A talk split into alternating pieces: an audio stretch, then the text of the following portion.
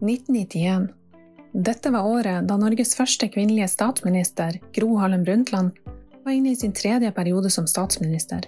Det var året da kong Harald og dronning Sonja ble signa i Nidarosdomen etter at kong Olav døde av hjertesvikt.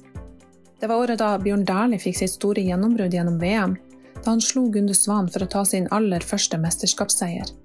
1991 var også året da stiftelsen Kvinneuniversitetet Nord ble etablert. Du lytter til Likestillingspodden, som er Likestillingssenteret kun sin podkast. Dette er en episode som er laga i forbindelse med Likestillingssenteret kun sitt 30-årsjubileum.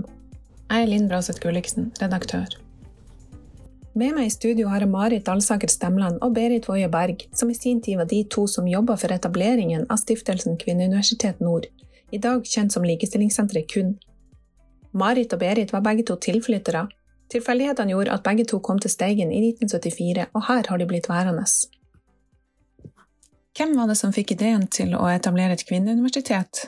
Eh, det var jeg. Eh, jeg var på, som sagt så var jeg med i SV, og så ble jeg invitert til SVs kvinnekonferanse i Bodø. Det må ha vært i 89. Vi satt i, både Berit og jeg satt i Likestillingsutvalget. Ja, og Berit og jeg dro, og der var Berit Aas. Og hun fortalte om Kvinneuniversitetet på Løten som de hadde etablert. Og alt det som hun fortalte om, som de skulle satse på, og som de jobbet for oss videre i forhold til utdanning, i forhold til arbeid, i forhold til deltakelse, i forhold til å synliggjøre erfaringer og oppgradere det som kvinnen gjorde av verdi, og kvinnen som verdi i det hele tatt, det fant veldig gjenklang. Så jeg, var, jeg, tror jeg var ganske i eh, hundre da jeg kom hjem til Steigen og innkalte til likestillingsutvalgsmøte og sa til medlemmene der at vi skal starte et kvinneuniversitet i Steigen. Og da sa en av de mennene som var med i likestillingsutvalget Klarer du det, så skal du få en bauta i Ågotskaret, Sånn. han. Har sluppet å føre opp igjen. Men uh, det gikk. Og så um, begynte vi å jobbe med det. Og jeg fikk Berit som samarbeidspartner. Og i begynnelsen så var hun ganske motvillig. Ja. Både rent um, praktisk, organisatorisk og idémessig osv. Men etter hvert så eh, fikk hun veldig grep på det. Og um, vi utarbeidet prosjektplan, og i, i 89 og i 1990 så dro vi til um, Honningsvåg, til Nordkalott kvinnekonferanse, og presenterte prosjektet der. Og etablerte et ganske stort nettverk. Mange av de som vi traff på det, det Kvinnekalott-konferansen, ble samarbeidspartnere med oss seinere. Jeg kom hit som, ja, hva skal vi si, ferdig lærer og student og ja, hadde mm, mye i sekken i forhold til å være byjente med universitet og, og um, foreninger og alt mulig sånt. Og hadde ikke lyst til å bo i Steigen. Men var med på at vi skulle forsøke oss på et treårig prosjekt hit. Og uh, begynte som lærer på sentralskolen, som var ungdomsskolen den gangen. Og med en gang jeg kom opp hit Jeg tror de må, jeg lurer på om sånne kvinnesakskvinner lukter noe spesielt. For med en gang jeg kom hit, så grep de fatt i meg. For da skulle de ha en til å lede det internasjonale kvinneåret i 1975, som var FNs kvinneår. Og jeg ble bedt om å lede det da. Så hvordan de visste det, det vet jeg altså ikke. Men eh, jeg tok det på meg og sa ja. Og vi kom gjennom det året også. Og det var jo egentlig midt i blinken, for jeg var veldig opptatt av kvinne, mann, rettferdighet, likestilling. Ja, om å få snudd på den situasjonen som var i samfunnet. Og jeg snakket med store bokstaver. Jeg var med i SV, så jeg var med å starte. Og så var jeg med i politikk som SV-medlem. Og da ble jeg leder av eh, kommunens likestillingsutvalg. Og der, eh, det var der Berit og jeg egentlig ble godt kjent.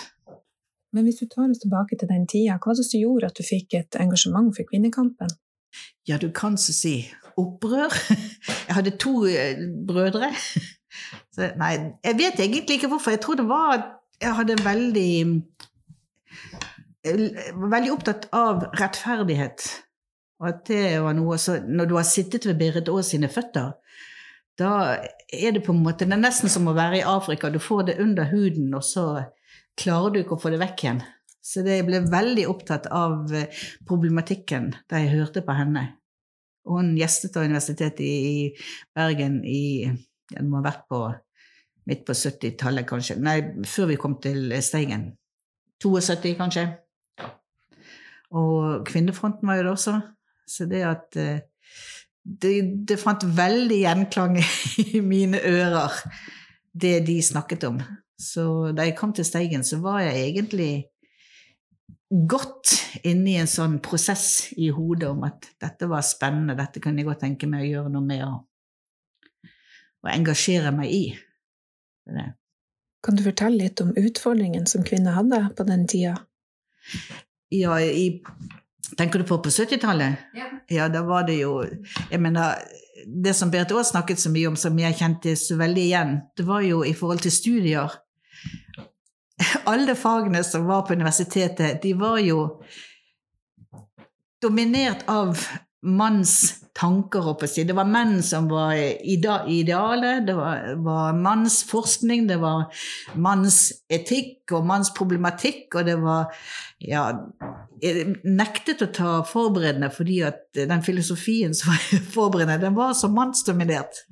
Og det var jo noe vi jobbet med på Kvinneuniversitetet her seinere, om at vi skulle få utviklet en kvinnelig eh, filosofi. Eller ikke utviklet, men at vi skulle få frem den, for den fantes jo. Og, um, og så var det dette her med at um, kvinner hadde De tok de lavere gradene på universitetet. Det gikk stadig igjen, og det gikk for meg også. Når jeg hadde tatt mine grunnfag, så fikk jeg barn og ble mest mor, mens mannen min fortsatte med hovedfag osv., som menn skulle gjøre den gangen. Og um, ja, nei, det, var, det, var, mange steder, nesten overalt, så så jeg dette mønsteret i at kvinner var på en måte usynlige, eller de ble ikke sett på som reelle deltakere og um, medlemmer i, i, det som man gjorde. Det, og det syns jeg var sabla urettferdig. Så det skulle vi gjøre noe med. Jeg husker bl.a. i Kvinnefronten så diskuterte vi Det var veldig eh, fokus på en periode eh, kvinner i Nord-Norge. At de hadde så lav utdannelse, så lav arbeidstilhørighet. Altså de var få som var i arbeid. Det var mange unge mødre. Det var Ja, hva var det med disse nordnorske kvinnene? Og det kom opp teorier om både moral og etikk og alt mulig. Mens jeg gikk og tenkte på at man bor i utkanten i Nord-Norge, så er det ikke masse tilbud du får verken i forhold til utdanning, i forhold til jobb, i forhold til uh, å delta på andre måter. Da må det være liksom en grei løsning å få barn. og så ja, har du en um, rolle, du har en oppgave, og du er um, Ja, du får ikke noe kritikk fordi det er et viktig arbeid du gjør. Så det tenkte jeg den gangen, men det var før jeg kom hit. det.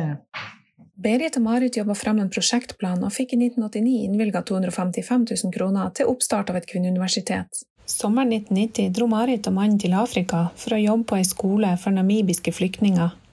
Dette var en reise de hadde planlagt lenge, og Berit fikk beskjed om å fortsette jobbinga med universitetet til Marit kom tilbake. Vi fikk pengene høsten 89. Ja. Sånn at jeg tok to dagers uh, reduserte min stilling som lærer med 40% fra 1.11.89. Hadde 60% i skolen og to dager som jeg skulle jobbe med dette prosjektet. Og så ansatte jeg for første gang en person i en halv stilling, og Else Marie Paulsen. og jeg hadde jo aldri vært borti arbeidsgiver. Altså, og jeg visste jo ikke hva vi skulle gjøre. Men, men uh, vi hadde jo fått penger, vi måtte jo bare jobbe. sette i gang. Så vi hadde jo starta opp eh, høst, våren 90. Mm. Så når vi dro til Honningsvåg, så var vi jo inne i prosjektet og den biten. Og så, så reiste du til Afrika og sa du måtte være ferdig til du kom tilbake. Eh, min inngang i dette prosjektet var helt annerledes Marit sitt. Og jeg tenker at eh, bakgrunnen vår er helt forskjellig. Jeg, eh, har, jeg har ikke den, den, bakgrunnen som du har. Jeg, at, jeg har tenkt på det mange ganger. Det var en som sa til meg jo, når vi starta Kvinneuniversitetet jo, Marit er kvinne og Berit er universitet. For jeg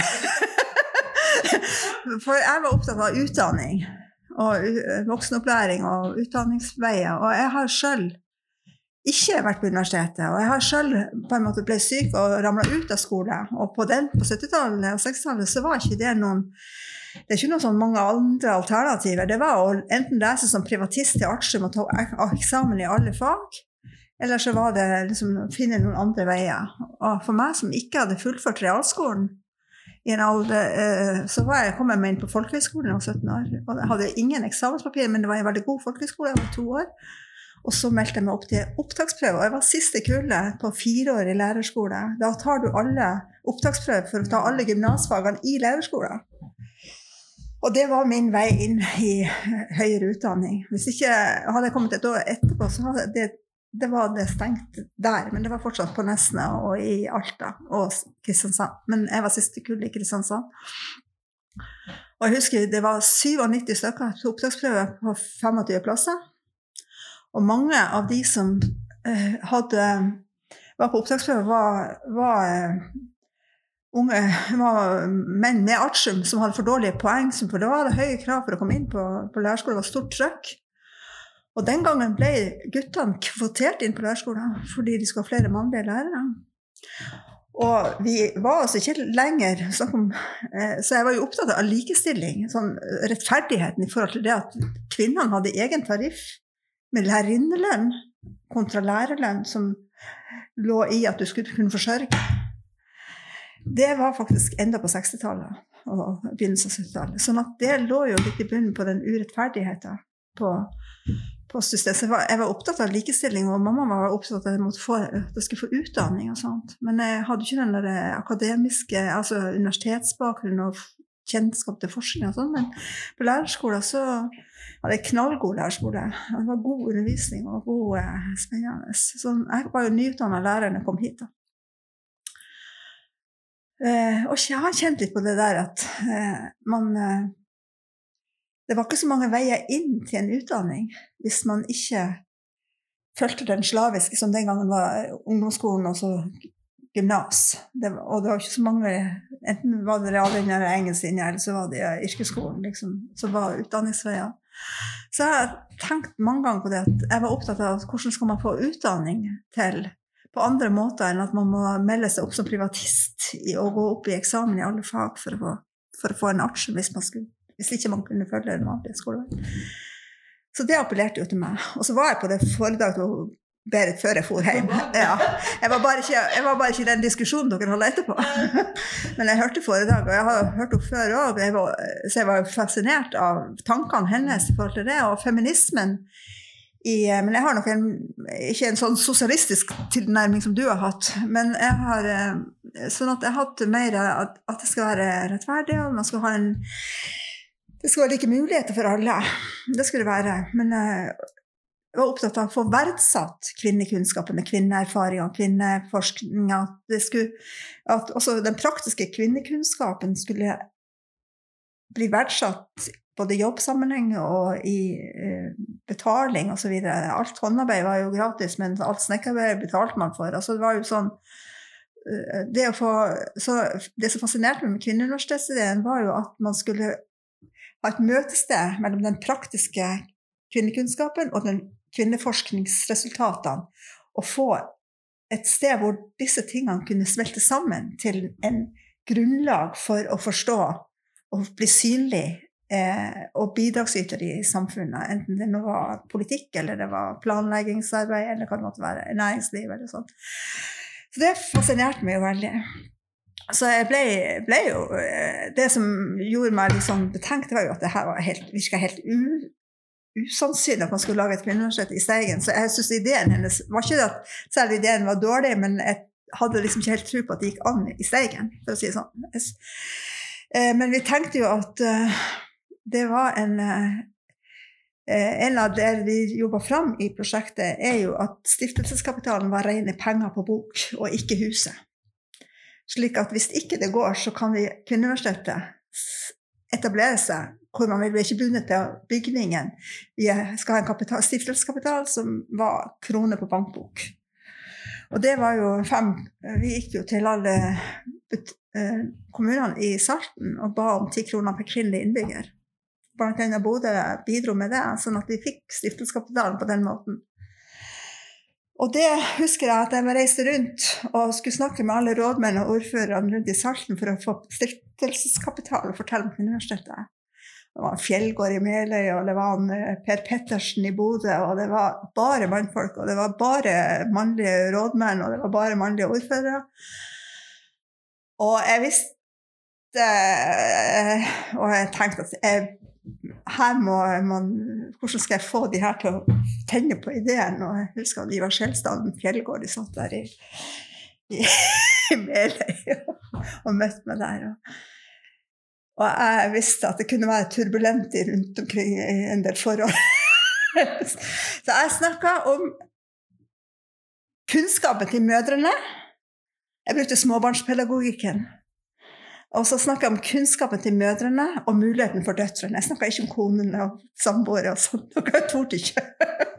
Jeg var så redd for at det, For det, da smelter de. Når vi snakka om mødrenes kunnskap, at det var viktig å verdsette alt det de hadde gjort, om noe som ikke fikk, noen verd, ikke fikk noe anerkjennelse og aldri fikk betalt for det de gjorde, og alt det der.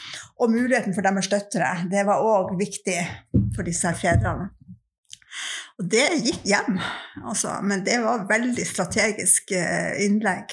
På den måten fikk vi stiftelseskapitalen på plass. Og så hadde vi jo de her pengene som gikk på prosjektperioden, og, eh, og det han eh, ordføreren sa, han Kildahl Jeg aner ikke hva det er dere skal lage, men jeg har tro på dere. Det sa han til oss. Jeg tror det blir noe bra, sa Ja. Og dermed så klarte han, da vi kom våren 1991, og vi skulle faktisk finne et hus som man kunne romme både undervisning, kurs, og hvor folk som kommer utenfra, kunne komme og få bo her mens de var på kurs. For det var jo viktig for å ha noe her i Steigen. Og vi skjønte jo at det var ikke noen dagpendlingssted, og det var ikke et sted som Vi kunne ikke basere oss bare på folk i Steigen, så de som kom fra andre kanter, måtte kunne bo når de var på samling hos oss. Og da var jo eh, eh, Når vi fikk det her kurset, så, nei, huset, eh, tilbud på det, så var det jo at kommunen måtte inn med en kapital for å kjøpe huset, for at det skulle utløse også i fylkeskommunen, for å kunne investere. Og da eh, fikk vi altså et enstemmig vedtak i kommunestyret på 1 million våren våren 91. Det er ganske sterkt. Det var bra mye. Det var veldig mye penger. Det var veldig mye penger, og, var, og da var det han Kildahl blant annet sa at det her må vi ha et enstemmig Vi kan ikke komme til fylkeskommunen med delt, eh, delt vedtak. Og da er eh, fylkes, næringsavdelinga på fylket den som, som eh, går inn med kapital for å kjøpe bygget, og de legger et premiss i vedtaket om at dersom det her ikke går å bli solgt, så skal pengene føres tilbake til et fond for kvinner som etablerer seg. Etter at han, I forbindelse med at det var såkalte kvinnemillionene på fylkeskommunen som ble brukt. Og så gikk skoleetaten på fylket den gangen for å få til et, at vi skulle ha noen lokale tilbud som vi løfta, altså med grunnskole først og senere med videregående skole. Og så gikk arbeidsmarkedsetaten og la inn pott og kalte det og, som AMO-kurs, og putta inn så mye administrasjonskostnader at det også dekte eh, administrasjon av AMO-kursene. Det var langt over normal finansiering av de AMO-kursene pga. frifylket. Sånn at de, det var en del av de to årene vi, etter at vi har kjøpt og investert, og etter at prosjektet var ferdig, for, for, for, så selve etableringa. Og da fikk vi eh, etablert to stillinger, pluss at vi hadde eh, Elbjørg og, eller De kom inn som, gjennom arbeid på trygd. Altså, eh, de hadde, var arbeidsledige på den tida og kom inn og fikk starte der før de kunne begynne i ordinært arbeid året etterpå. Da. Og så ble jo det her vedtaket gjort i juni, og han Magne som eide det her huset, han ble kjempeglad og fant ut at dere kan overta det med en gang, fordi han ville ha ferie for, for en gangs skyld. Ja, vi overtok jo en kafé. Et gjestehus, ja, eller et vertshus, som hadde tolv overnattingsrom og en kafé. Det var det vi overtok. Og nede var det et diskotek og en bar. Og det skulle vi lage ferdig til et klasserom som skulle være klart til skolen begynte i august. Og det her var i juni. Og det var svartmalt og rødmalt bar og pub nede. Eller sånn eh, diskotek. Mørkerødt og svart malt. Og alt det her ble gjort på dugnad. Vi jobba i elleve timer per dag. Vi hadde én søndag fri den, den sommeren for å få malt et, det rommet sånn at det kunne ta imot elever som skulle begynne på grunnskolen, et damekurs. Og så hadde vi da denne eh, kafeen som var åpen. Og det var der det var maten og den frityren og alt der. Og Elbjørn lærte oss opp hvordan vi skulle bruke det, og så var hun eh, borte. Og så kom det inn masse folk. Og de har sagt at de, kunne, at de kunne ringe etter hjelp hvis jeg trengte det, men jeg rakk aldri å ringe etter hjelp, for jeg måtte bare eh, ta, servere unna. Og det var så ille med den eh, frityren som jeg ikke var vant til å bruke, at jeg hadde et rødt skjørt og en rød jompe på meg som jeg måtte hive etter arbeidsdagen. Jeg kunne aldri få det rent. for det var der, Og for hver gang jeg var ute og serverte, så måtte jeg ta et forkle på meg for å ikke vise hvor fæl jeg så ut. Og det var eh, og Eva Isaksen kom og holdt jo på å flirse igjen, for det var jo, alle, eh, var jo masse rom som skulle gjøres klar. For det var jo ikke bare de fire som hadde bestilt, men plutselig kom det mange flere som skulle overnatte, og de skulle ha frokost neste morgen. Det her var ikke med i planene. Det var bare at vi skulle, bare, vi skulle kunne ta imot det som var bestilt, trodde vi.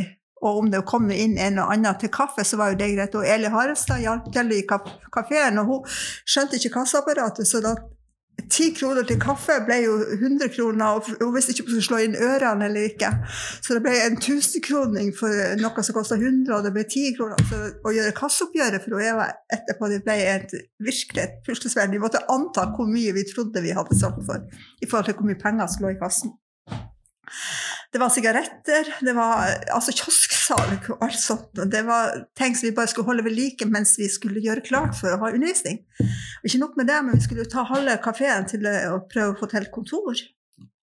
Og vi var tre stykker som, som hadde kontor på den halve, halvparten av der, det kontoret der, pluss halvparten av kafeen der sofaen står. Det var ett rom. Det laga vi. Nei, det var, det var en artig tid! Det er det som kalles multikompetanse. Veldig. Det, ja, for det, alle som jobbet der, de var i stand til å gjøre flere oppgaver som de kanskje aldri hadde gjort før, Nei. men som de klarte å Mens du var i Afrika. Kjempeflott. De vokste virkelig på det. Ja. Men hadde du vært der, så hadde det blitt ordentlig mat. Men i hvert fall så var det, det var, Og fryseren var full av mat som han hadde kjøpt inn, og vi visste ikke engang hvor vi brukte å bestille det her, så vi hadde kjempejobb. Men, Elbjørg kom jo da inn som hadde jobba der før, så hun tok over etter hvert. Så det gikk. Den sommeren gikk. Og det var én fridag den sommeren i 1991 som jeg hadde. Jeg hadde én søndag fri hele sommeren. Og det var fra klokka sju om morgenen til klokka elleve om kvelden. Kun sin første logo den ble tegna av Lisbeth Glanfield og gitt i gave til kun. Den opprinnelige logoen består av grafiske elementer med rød bakgrunnsfarge og en hvit silhuett av ei dame som står i en båt. Hun står i stavnen og værer framtid, det lugger motvind i hår og kinn. Hun står på fortid i båt med nagler som hennes mødre har klinket inn. Et flettet tauverk for mann og kvinne, en ankerkjetting fra barn til mor, et ror av kunnskap som følger leia, hun er en Gaia for hav og jord. Hun står på tiljen, en bunn av trygghet, hun har en tofte for myke fang, men under skroget der skjærer kjølen gjennom strømmen i sikker sang. Hun har et mannskap av tusen søstre som navigerer i bris og storm. Og båtens råseil er kvinnens kjole, og båtens mast den har kvinnens form. Hun står i stavnen å være framtid, lugger motvind i hår og kinn. Hun står på fortid i båt med nagler som hennes mødre har klinket inn. Diktet er skrevet av Åsta Ålio. Du har lytta til første del av Likestillingspoddens jubileumspodkast, som ble laga i forbindelse med Likestillingssenteret kun sitt 30-årsjubileum. Jeg er Linn Braseth Gulliksen, redaktør.